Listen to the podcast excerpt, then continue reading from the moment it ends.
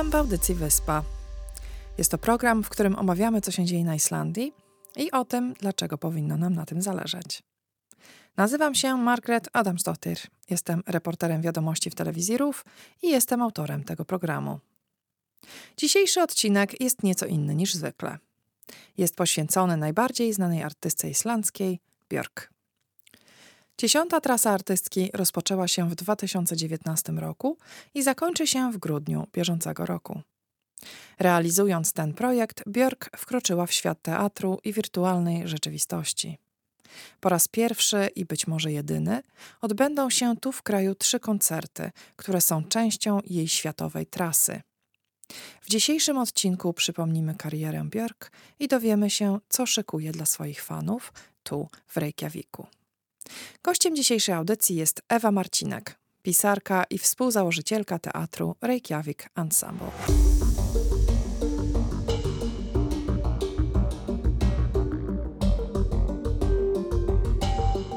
U Björk dużo się dzieje.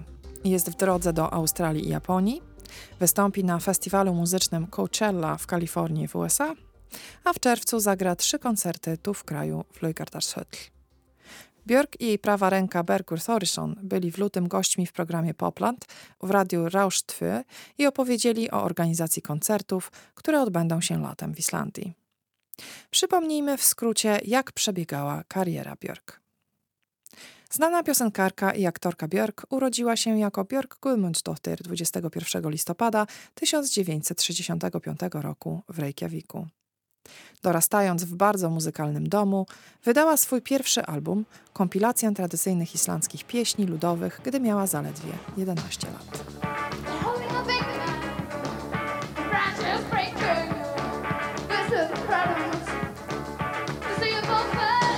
W okresie nastoletnim Björk śpiewała w szeregu anarchistycznych zespołów punkowych, m.in. Kukl, którego członkami byli Einar Ört, Shiki Baldursson i Einar Melaks. Z kilkoma kolegami zespołu Kukl w 1986 roku Björk założyła popową grupę The Sugar Cubes, do której dołączyli Maga Arnolfsdottir, Brai Olafsson i gitarzysta Thor Elton. W tym samym roku Björk i Elton wzięli ślub i powitali swoje pierwsze dziecko, syna Sindriego Eldona Thorsona. Para rozwiodła się w 1987 roku.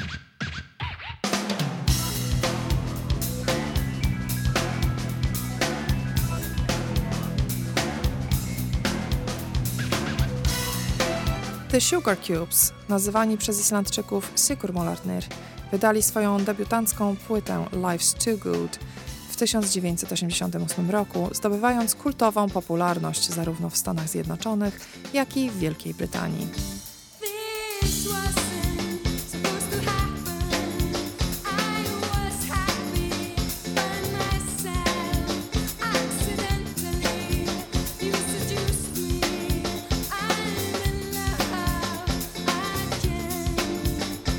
Ostatni album grupy It's It z 1992 roku był zbiorem tanecznych remiksów wcześniejszego materiału, a także rezultatem fascynacji Björk tym gatunkiem.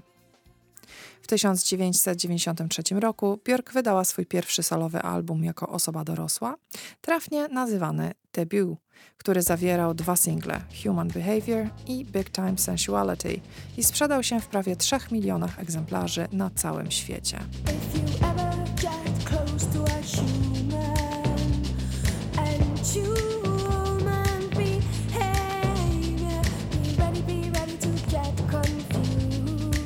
Po przeniesieniu się do Londynu, Björk wydała w 1995 roku album Post, który przewyższył sprzedaż jej pierwszego albumu dzięki innowacyjnej współpracy z guru techno Grahamem Masseyem, Howie B i Trickim. W 2000 roku gwiazda pojawiła się na dużym ekranie w docenionym przez krytyków filmie Dancer in the Dark duńskiego reżysera Larsa von Triera. Mimo, że mówiło się o konfliktach między reżyserem i jego gwiazdą, która była również autorką muzyki do filmu, Björk zdobyła nagrodę dla najlepszej aktorki na festiwalu filmowym w Cannes oraz nominację do Złotego Globu za swoją rolę.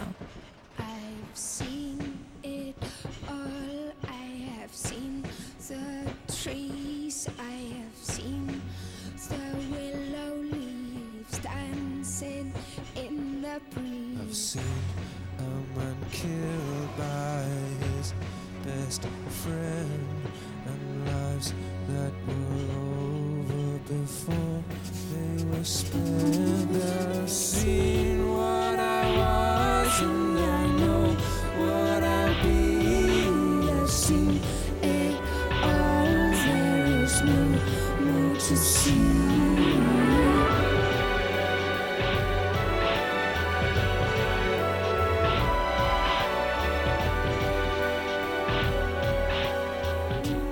2001 roku wraz z Von Trierem została nominowana do Oscara za najlepszą piosenkę I've Seen It All. Wtedy przeszła również do historii mody, kiedy założyła na ceremonię oscarową swoją słynną łabędzią sukienkę. W 2001 roku Björk wydała swój pierwszy od czterech lat album Vespertine. Björk kontynuowała swoją karierę jako solowa artystka, wydając albumy Medulla w 2004 roku, Volta w 2007 roku i Biophilia w 2011 roku. Każdy z nich zawierał własną, unikalną estetykę i przesłanie. W 2004 roku Björk wykonała singiel z płyty Medulla Oceania na letnich Igrzyskach Olimpijskich w Atenach w Grecji. Podczas 55. edycji nagród Gramy w 2013 roku. Biofilia, zawierająca takie utwory jak Moon, Dark Matter i Hollow, otrzymała nagrodę za najlepszy zbiór nagrań, otrzymując również nominację za najlepszy album alternatywny. Po krótkim małżeństwie z Thorem Eldonem Björk była związana romantycznie z kilkoma innymi członkami przemysłu muzycznego, w tym z brytyjskimi artystami Goldie i Tricky z Massive Attack, w 2000 roku, podczas promocji Dancer in the Dark, w Nowym Jorku poznała Matthew Barneya, artystę odpowiedzialnego za projekt Cremaster. Wkrótce zaczęli się spotykać i są razem do dziś. W 2002 roku parze urodziła się córka Isadora Bjarkardotyr Barney. Rodzina mieszka w Nowym Jorku, ale artystka ma również dom w Reykjaviku, w którym często pomieszkuje.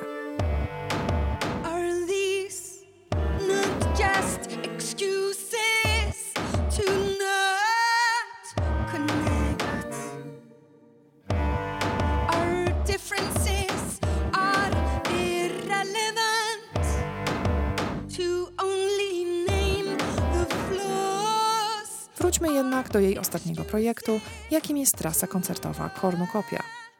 Podczas koncertów prezentowana jest muzyka z albumu Utopia i ostatniego albumu artystki Fossora, który napisała wspólnie z Bergurem Torisonem podczas pandemii, gdy wszędzie obowiązywały ograniczenia zgromadzeń.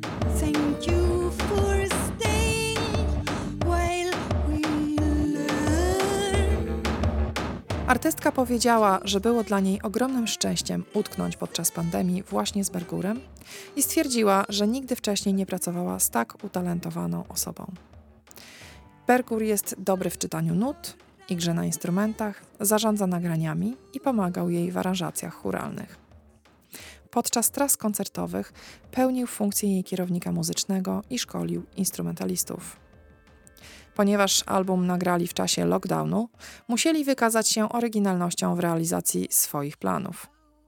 Nagranie albumu Fosora zajęło Björk najdłużej ze wszystkich dotychczasowych płyt. Koncert Kornukopia to jak dotąd największy projekt Björk, który spotkał się z pozytywnymi opiniami wszystkich środowisk artystycznych. Trasę otworzył koncert premierowy w Nowym Jorku 6 maja 2019 roku, a było to w sali koncertowej The Shed. Zorganizowanie tak wielkiego koncertu tutaj w Islandii jest nie lada przedsięwzięciem. Björk mówi, że chciała jednak tego dokonać tutaj w kraju choć raz w życiu. I mówi, że raczej nie uda się to ponownie. Já, þetta er búið að taka nokkra margar til, tilreynir að ná síðan heim að því mhm. raunum verið náttúrulega er þetta þú veist, þetta stendur ekkert undir sér, þú veist, það sem áhendur eru að fá er, þú veist, það þarf miklu fleiri, sagt, ég er að gera aðra tónleika til að borga rauninni fyrir. Przeniesienie całego przedsięwzięcia tu do kraju wymagało wielu prób, ponieważ oczywiście w ogóle się to nie opłaca. Musimy zagrać kolejny koncert, żeby zapłacić za te koncerty na Islandii, bo bierze w nich udział tak wielu znanych muzyków, używanych jest mnóstwo ekranów, tak zwanych kurtyn i chórów. To największy spektakl, jaki kiedykolwiek zrobiłam, bo ma największą liczbę tak zwanych cyfrowych kurtyn jakich używam podczas jednego koncertu. Nazywam to teatrem cyfrowym, w którym animacje zaprogramowane w wirtualnej rzeczywistości będą wyświetlane w trzech wymiarach, zarówno na tradycyjnych ekranach kinowych, jak i na ekranach cyfrowych. Björk od 13 lat eksperymentuje z wirtualną rzeczywistością i łączeniem muzyki z technologią. Częścią trasy koncertowej jej albumu Wulnikura, który wyszedł w 2015 roku, była imersyjna wystawa wirtualnej rzeczywistości zawierająca teledyski Virtual Reality. Ekspozycja zadebiutowała w Carriage Works w Sydney i podróżowała po całym świecie. 27 czerwca 2016 roku Björk przeszła do historii, pojawiając się w pierwszym w historii strumieniu wirtualnej rzeczywistości nadawanym na żywo na YouTube. Wykonała wtedy końcową piosenkę płyty Vulnicary Quicksand. Koncert Kornukopia jest ukoronowaniem kariery artystki, która stwierdziła, że po 13 latach bycia nerdem wybrała to, co uważa w technologii najlepsze i najbardziej interesujące, aby zapewnić widzom niezapomniany spektakl. Przy produkcji koncertu pracowało ponad 300 osób. Widowisko polega na tym, że różnego rodzaju projekcje są wyświetlane na 24 ekranach VR i normalnych kinowych ekranach. Tym razem widzowie nie potrzebują okularów VR. Þetta er svo, svona tölvuleikur sem er á 24 tjöldum allt í kringum þig og þú fær sérst inn í hann og síðan er flutt sérst levandi tónlist. To jest jak gra wideo na 24 ekranach wokół ciebie. Jesteś wewnątrz tej wirtualnej rzeczywistości i oprócz tego grana jest muzyka na żywo, śpiewa chór Hamrachlis, grają muzycy, fleciści, bergur i perkusja. Wszystko to odbywa się na tradycyjnej scenie i myślę, że to pierwszy, a może nawet ostatni raz, kiedy tak głęboko weszłam do świata teatru. Chciałam jednak tego dokonać chociaż raz w życiu. Instalacja samego koncertu jest bardzo imponująca, lecz również skomplikowana i wiele rzeczy może pójść nie tak. Bergur Thorisson, dyrektor muzyczny trasy, mówi, że stara się zawsze zachować spokój. Þetta er náttúrulega svo flókið og svo margt sem getur klikka að maður, ef maður byrjar að reyna að fá kuðakast þá er maður bara hljóraði. Þannig að maður þarf einhvern veginn bara að reyna að gera sig í brók og hérna kýla á þetta. Jeśli zaczniesz panikować, to wiele rzeczy może pójść nie tak. Trzeba tylko zapiąć pasy i nacisnąć gaz. Do tej pory wszystko szło niewiarygodnie dobrze. Mamy prawdopodobnie najlepszych ludzi na świecie na wszystkich możliwych stanowiskach i produkcja jest absolutnie na najwyższym poziomie. To doświadczenie, które tworzymy, jest z pewnością niezwykle intensywne, zarówno dla nas, jak i dla widzów. Zawsze może się coś przytrafić i pójść nie tak. Björk jest znana z tego, że jej koncerty są raczej spektaklami, które są żywe, i artystka traktuje każde z nich jako okazję do rozwoju.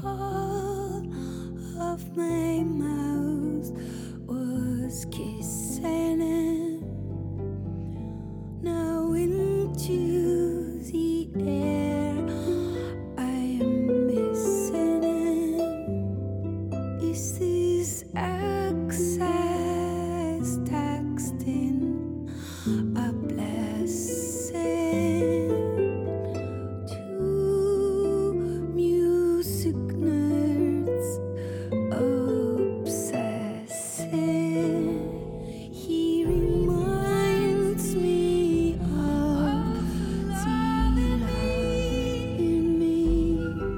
Teraz organizuje trasy koncertowe etapami. Chce, aby stale ewaluowały. Podczas kornukopii grane są na przykład dwie piosenki z Fosory i dwie piosenki z programu trasy koncertowej po Australii i Japonii. Tego lata planuje dodać jeszcze dwie lub trzy nowe piosenki do programu koncertu. Uważa tę metodę udoskonalania swoich występów za bardzo satysfakcjonującą. Pierwszy solowy album Björk, Debut, skończy w, w lipcu 30 lat. I wtedy również odbył się jej debiutancki koncert w Legardarshotel, na który piosenkarka przybyła, lądując spadochronem przed wejściem do sali koncertowej. Tym razem jednak kategorycznie zaprzeczyła, jakoby miała planować powtórzenie tego wyczynu, gdyż pamięta, że miała nogi jak z gumy podczas całego koncertu, a tym razem chce być na nim spokojna i skoncentrowana. Kolejne koncerty Björk odbędą się w Australii. Pierwszy z nich już jutro. Potem kilka w Japonii, a w kwietniu artystka wystąpi na festiwalu muzycznym Coachella w Kalifornii, gdzie zagra koncert orkiestrowy, który grała w harpie. Muzyk Frank Ocean specjalnie ją poprosił, aby z nim zagrała, i to było jednym z powodów, dla których zgodziła się wystąpić.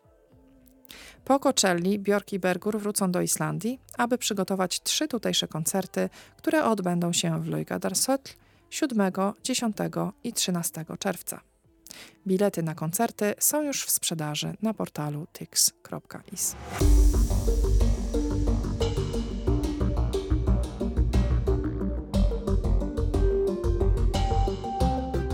Ewa Marcinek jest pisarką i koordynatorką projektów kulturalnych, współzałożycielką teatru Reykjavik Ensemble i wydawnictwa Ous Pressan.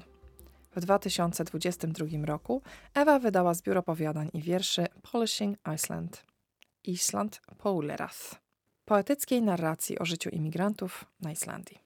Dziękuję Ci za przyjście do studia. Bardzo dziękuję za zaproszenie i bardzo się cieszę, że miałyśmy się okazję w końcu spotkać. Chciałabym, abyś opowiedziała mi o Twoim e, zbiorze opowiadań, co skłoniło Cię do tego, że napisałaś e, tę książkę. Gdybyś mogła wyjaśnić, o czym ona jest i, i, i czym jest ta książka, czym ona była dla Ciebie? E, więc Polishing Iceland, bo napisałam ją po angielsku, więc taki jest tytuł oryginalny. Moja książka powstała tak naprawdę z potrzeby serca. Przyjechałam na Islandię w 2013 roku. Zupełnie przez przypadek. Nigdy nie byłam zainteresowana północą Europy, raczej ciągnęło mnie zawsze na południe. Ale przyjechałam tutaj um, na staż i rozpocząć projekt kulturalny, przy którym pracowałam. I coś po prostu mnie chwyciło. E, moje życie prywatne też e, było w takim miejscu, e, w którym potrzebowałam tej zmiany, i po trzech miesiącach na Islandii stwierdziłam, że okej, okay, tak jak wielu z nas, wiele osób, które tu przyjechały, tak, że dam Islandii szansę i zostaję. Ponieważ studiowałam kreatywne pisanie i zawsze pisałam, chociaż nie czułam się za dobrze z moim pisaniem w Polsce, byłam dosyć nieśmiała z tym i pisałam głównie do szuflady, chciałam to kontynuować na Islandii i chyba po roku zapisałam się na warsztaty literackie dla międzynarodowych kobiet e, mieszkających e, w Reykjaviku. I te warsztaty tak mnie zainspirowały, że właśnie zaczęłam pisać o tym swoim doświadczeniu Islandii, o tym pierwszym roku na Islandii, o tym jak dziwny wydawał mi się wtedy język e, islandzki, jak zaczęłam funkcjonować w trzech różnych językach codziennie, po polsku, angielsku, islandzku e, i o tych wszystkich pytaniach, które też dostawałam od Islandczyków, których najczęściej spotykałam w restauracji, w której wtedy pracowałam. Więc Polsing Iceland to jest taki zbiór refleksji, opowiadań, wierszy, bardzo luźna narracja, ale jednak opowiadająca historię Polki przyjeżdżającej na Islandię, która po prostu próbuje zrozumieć kraj, w którym teraz będzie mieszkała, ale też um, zrozumieć swoją pozycję, swoją rolę w tym nowym miejscu. Czy ona wyszła w dwóch językach? Tak, ja pisałam książkę po angielsku, ale nie byłam pewna, czy islandzkie wydawnictwa będą nią zainteresowane i, i byłam taka dosyć nieśmiała z tą swoją historią, bo to jest też bardzo e, osobista opowieść. I w 2019 roku pokazałam taki już prawie skończony manuskrypt Paulinie Jonsdottir, z którą współpracuję w projekcie teatralnym. I ona była jak najbardziej e, na tak i postanowiła przedstawić tą moją opowieść na scenie teatralnej. I to wydarzenie dodało mi um, wiary w siebie, i zwróciłam się, myślę, że dodało mi bardzo dużo wiary w siebie, bo zwróciłam się od razu do największego islandzkiego wydawnictwa, For Life, i zaproponowałam im książkę. E, od początku było jasne, że For Life książka wiedzie po islandzku, mhm. więc książka wyszła najpierw jako Island Polera w tłumaczeniu Helgi Sofii Einarsdottir, a następnie po pół roku postanowiłam wydać książkę w oryginale. Było to dla mnie bardzo ważne, ponieważ w oryginalnej wersji widać tą trochę mieszaninę języków bardziej i jak ten islandzki jest może takim obcym językiem, mhm. który, który jednak tam bardzo przenika, ale jest też ten angielski, którym jednak imigranci mieszkający na Islandii na co dzień się posługują. Więc bardzo zależało mi, żeby wydać e, oryginał i Wydałam go sama przez e, wydawnictwo non-profit i taką organizację właśnie wspierającą pisarzy różnego pochodzenia mieszkających na Islandii, Ospresan. na początku grudnia zeszłego roku. Jak została przyjęta twoja książka? Genialnie. Rozumiem. Powiem ci, że ja zaczęłam ją czytać, e, kiedy mi ją dałaś, a potem się jakoś tak zatrzymałam, a w ten weekend przeczytałam ją za jednym usiądnięciem i, i bardzo, bardzo mi się podobała. Także nigdy nie czytałam nic podobnego, nigdy nie czytałam takiej mm, prozy poetyckiej e, narracji. Bardzo dobra, bardzo dobra książka. Dziękuję bardzo. Ja do końca, kiedy ją pisałam, nie miałam ja nie miałam żadnego doświadczenia wydawniczego. Oczywiście studiowałam kreatywne pisanie, więc jakby pisanie zawsze było mi bliskie i znam generalnie reguły, ale format tej książki, właśnie ja byłam bardzo niepewna, ponieważ on sam do mnie przyszedł. Ja sama nigdy nie czytałam nic podobnego, mhm. więc nie za bardzo wiedziałam, czy ja mogę w ten sposób pisać, czy ja mogę mieć po prostu jedną myśl, którą chcę rzucić na jedną e, stronę w książce i nie mam już więcej nic do powiedzenia poza tą myślą. A potem nagle mam opowiadanie, a potem mam jakąś Wiersz, pogłoskę. Albo tak, coś takiego, tak. Albo jakąś właśnie te pogłoski też, które do mnie docierały mhm. w tym mhm. pierwszym roku, kiedy znajomi Polacy i inni obcokrajowcy i też Islandczycy próbowali mi wyjaśnić albo bardziej tak przedstawić tą islandzką rzeczywistość, żebym się po prostu mogła łatwiej odnaleźć w niej. Słyszałam tyle różnych dziwnych historii, e, które jakoś ze mną zostały i, i, i dlatego też chciałam gdzieś je zebrać. Bo sama e, w trakcie pisania nie byłam pewna, co to wszystko znaczy, co ja czuję, kim ja jestem, czy jeśli ktoś mnie pyta, skąd jestem, to czy to jest jakby taka mikroagresja, czy to jest rzeczywiste zainteresowanie, czy to jest tylko taki mały small mhm, talk. Mm -hmm. Jakby te wszystkie myśli i wrażenia gdzieś się we mnie kłębiły i ta książka po prostu była taką możliwością wyrzucenia wręcz z siebie tego wszystkiego. Okej, okay, no ale reakcje od kogo dostałaś? Od tutaj środowiska literackiego, czy od Islandczyków, czy, czy Polacy też ją czytali? Od środowiska e, literackiego miałam bardzo pozytywne odzew jeszcze zanim książka e, była opublikowana, bo ta książka żyła własnym życiem przez e, dobre kilka lat przed publikacją. Aha. Ja uczestniczyłam w wydarzeniach literackich, czytałam wielokrotnie fragmenty z tej książki. Uczestniczyłam w też różnych takich artystycznych projektach, gdzie mój, na przykład mój wiersz z tej książki był na ścianie w Reykjaviku, skomponowany razem z grafiką przygotowaną przez Wiolę Ujazdowską, polską artystkę mieszkającą na Islandii. Także ta książka gdzieś tam żyła swoim życiem i, i ja dostawałam zawsze bardzo dobry odzew, wręcz e, taki bardzo zachęcający. Mhm. E, raz byłam przedstawiona na, w takim wieczorze literackim jako w końcu mamy polską autorkę mieszkającą na Islandii. Mhm, Także mhm od Islandczyków, literatów wręcz słyszałam, że oni czekają na taką publikację. Oczywiście. Ale muszę powiedzieć, że Jakub Stachowiak mnie ubiegł.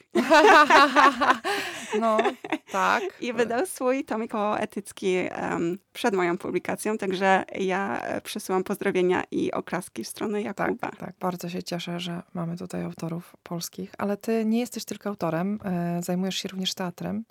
Jeżeli mogłabyś odpowiedzieć o Reykjavik Ensemble, co robicie i o najnowszym projekcie, który się zbliża wielkimi krokami. E, więc w 2019 zostałam zaproszona na kawę. Okej. Przez znajomą znajomej. To była islandzka reżyserka Paulina Jonsdottir i byłam zaskoczona, zainteresowana. E, ja nie miałam żadnego wcześniejszego doświadczenia z teatrem, poza jakimiś tam przedstawieniami w szkole. I ona zaprosiła mnie na kawę taką nadzieją, że e, może wspólnie z nią i też z innymi polskimi artystami mieszkającymi na Islandii mogłybyśmy stworzyć spektakl zainspirowany twórczością Tadeusza Kantora, mhm. który odwiedził Islandię 30 lat wcześniej i Paulina była pod ogromnym wrażeniem. Wow. E... Nie, nie przyszło mi do głowy, że ktoś by go w ogóle znał tutaj. Tak, powiem ci, że on był tutaj na Reykjavik Arts Festival właśnie ponad 30 lat temu i wiele osób było ogromnie zainspirowanych e, tym, co on przedstawił, mm -hmm. bo to jest zupełnie inny teatr niż zupełnie, tak. i oni mieli tutaj do czynienia. Więc e, Paulina stwierdziła, że Tadeusz Kantor wręcz ją ukształtował mm -hmm. i chciała taką e, zrobić może laurkę teatralną z polskimi artystami mieszkającymi tutaj. To był pierwszy pomysł i właśnie od tego pierwszego spotkania przy kawie e, my zaczęłyśmy rozmawiać na temat właśnie jak, jak funkcjonuje to, to środowisko artystyczne e, związane z osobami, które tu przyjeżdżają, z imigrantami, ponieważ miałam to pozytywne doświadczenie związane z Ospresan, czyli z wydawnictwem, które promuje autorów piszących w różnych językach, mieszkających na Islandii. Byłam bardzo pozytywnie nastawiona do Pauliny pomysłu stworzenia międzynarodowej grupy teatralnej, którą nazwałyśmy Reykjavik Ensemble, czyli tak naprawdę jakby grupa e, teatralna związana z Reykjavikiem, która tworzy razem. Mhm. I tak to się zaczęło w 2019 roku. Zaczęłyśmy od niczego, mhm. nie mając nic. Zaczęłyśmy ubiegać się o granty, różnego rodzaju dofinansowanie. E, zaczęłyśmy kontaktować się z artystami, których znałyśmy, ale też zaczęłyśmy e, od przesłuchań teatralnych, gdzie zapraszałyśmy każdego, kto tylko czuje się na siłach występować na scenie. I dzięki temu stworzyłyśmy pierwszy spektakl, który nazywał się Opening Ceremony, e, ceremonia otwarcia. I ten pierwszy spektakl na tyle zapadł ludziom w pamięć i, i, głęboko w serce, że miasto Reykjavik zaoferowało nam wsparcie finansowe i dzięki temu mogłyśmy rozpocząć naszą współpracę już e, na bardziej profesjonalnym poziomie. E, mogłyśmy zacząć płacić artystom, więc od 2020 Wspólnie z Pauliną prowadzimy tą grupę teatralną, która funkcjonuje jako firma produkcyjna. Mhm. Co macie na swoim koncie ciekawego? Po ceremonii otwarcia było Polishing Iceland na podstawie mojej książki. To było w 2020 roku. W tym samym roku w końcu udało nam się e, napisać laurkę dla Tadeusza Kantora. Mhm. Spektakl e, Już zawsze będę tu wracał. Był prezentowany na festiwalu artystycznym w Reykjaviku, Reykjavik Arts Festival i też otrzymałyśmy bardzo dobre recenzje miałyśmy zawsze spełnione to szczęście, że tak naprawdę krytycy i prasa nas bardzo dobrze odbierali i zawsze się śmiałyśmy, że prasa nas, nas kocha, ale e, pieniędzy nam zawsze brakuje. Aha, no tak. Stereotyp biednego artysty trwa. Dokładnie. Ale zaczęłyśmy się ubiegać o dofinansowanie takie międzynarodowe, europejskie.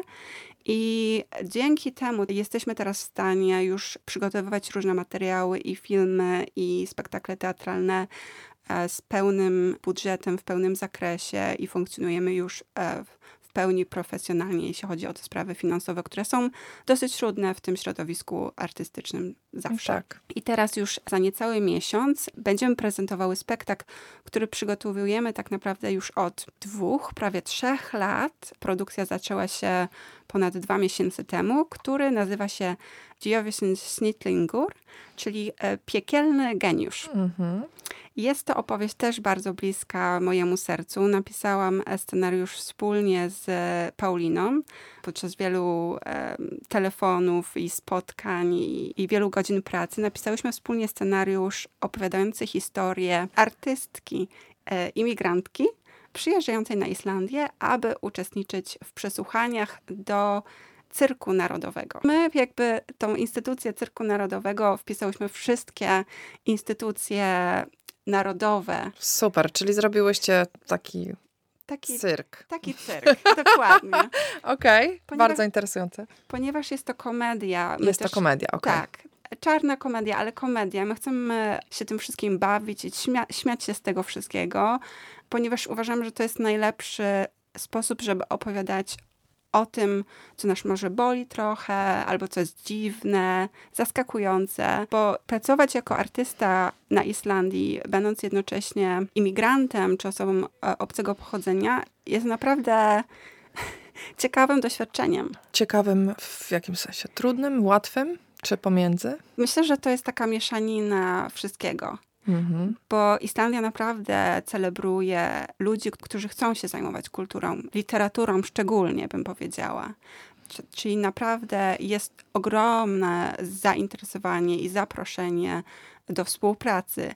Ale ponieważ imigracja na Islandii e, ma tak naprawdę bardzo krótką historię, to jest ostatnie 10-20 lat, więc te e, najbardziej tradycyjne instytucje kultury czy sztuki jeszcze nie do końca zorientowały się, jak wielu utalentowanych ludzi tutaj przyjeżdża. Więc to powoduje taki trochę konflikt pomiędzy tym, co jest prezentowane, a tak naprawdę co jest realne, co jest do Rozumiem. osiągnięcia. Co można by było robić? Co można by było robić? Zainteresowanie i zaproszenie, a z drugiej strony nie Niepewność może jakaś taka. niepewność, nie Mhm. wiadomo jak. I my o tym w naszym spektaklu opowiadamy. Gdzie spektakl będzie wystawiany? Spektakl będzie prezentowany od 31 marca w Tierner Bio. Myślę, że na razie na ten moment mamy ustawione trzy daty. Mhm. E, Z czasem będziemy, planujemy prezentować tak naprawdę spektakl raz w tygodniu.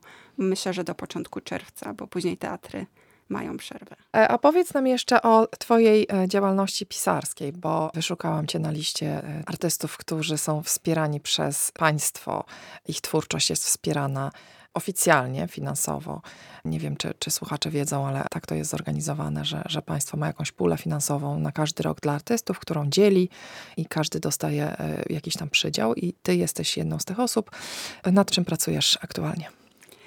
Aktualnie czekam na moje miesiące lista Manaloń, czyli tego wynagrodzenia e, artysty, które sobie zaplanowałam na wczesne lato i lato. Otrzymałam trzy miesiące e, zagwarantowane przez Artystyczny Fundusz Narodowy, chyba tak to się nazywa. Tak, tak.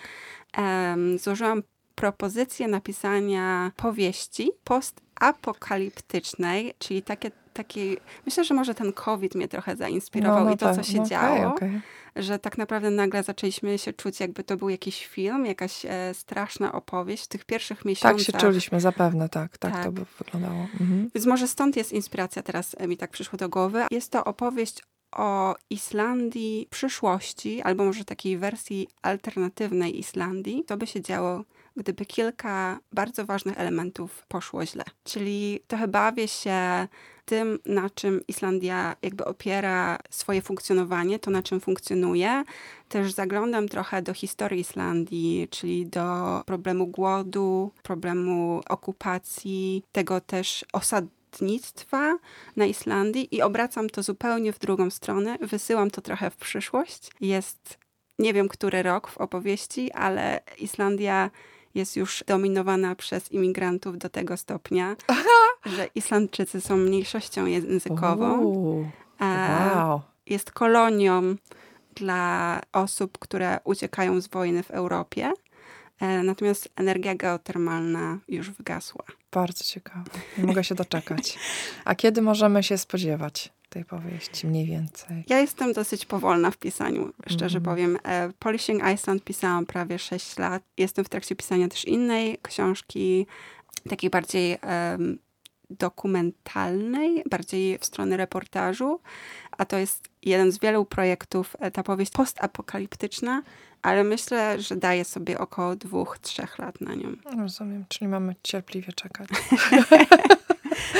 Nasza rozmowa dobiega końca. Chciałabym e, jeszcze zapytać Ciebie na koniec, co najbardziej lubisz mm, w Islandii? Co Cię inspiruje do Twojej twórczości? Chyba spokój i przestrzeń. To mnie od początku zawsze zachwycało, od kiedy przyjechałam i na początku nie mogłam się do tego przyzwyczaić. I na przykład bardzo trudno mi się pisało poezję tutaj, bo się czułam ciągle zrelaksowana. A ja poezję piszę z frustracji albo, Rozumiem, albo tak. z bólu. Jakiś albo, dramatu. Tak, Tak, tak. a tutaj taki spokój. I tutaj zaczęłam pisać prozę. I po prostu, nie wiem, to doświadczenie Islandii też, myślę, że, że czasami, jak już tu dłużej mieszkamy, nie do końca sobie zdajemy sprawę, jak piękny i naprawdę y, niezwykły jest ten kraj, bo ostatnie półtora roku miałam możliwość podróżować, trochę pomieszkiwać w Wielkiej Brytanii Mhm. i powiem, że Islandia podoba mi się o wiele, wiele bardziej. Naprawdę. Mhm. Okej. Bardzo. Czysto, spokojnie, zdrowo. To prawda. Zgadzam się kompletnie. Dobrze, dziękuję Ci bardzo za rozmowę i za opowiedzenie o tym wszystkim. Dziękuję bardzo za zaproszenie i mam nadzieję do zobaczenia. Do zobaczenia. Wiadomości z Islandii po polsku można znaleźć na stronie www.ruf.is ukośnik polski. W dzisiejszej audycji to już wszystko. Dziękuję za jej wysłuchanie i zapraszam za tydzień. Na koniec posłuchajmy ostatniego singla Björk o Wule. Utwór wyszedł 14 września 2022 roku i jest drugim singlem z jej ostatniego albumu Fosora.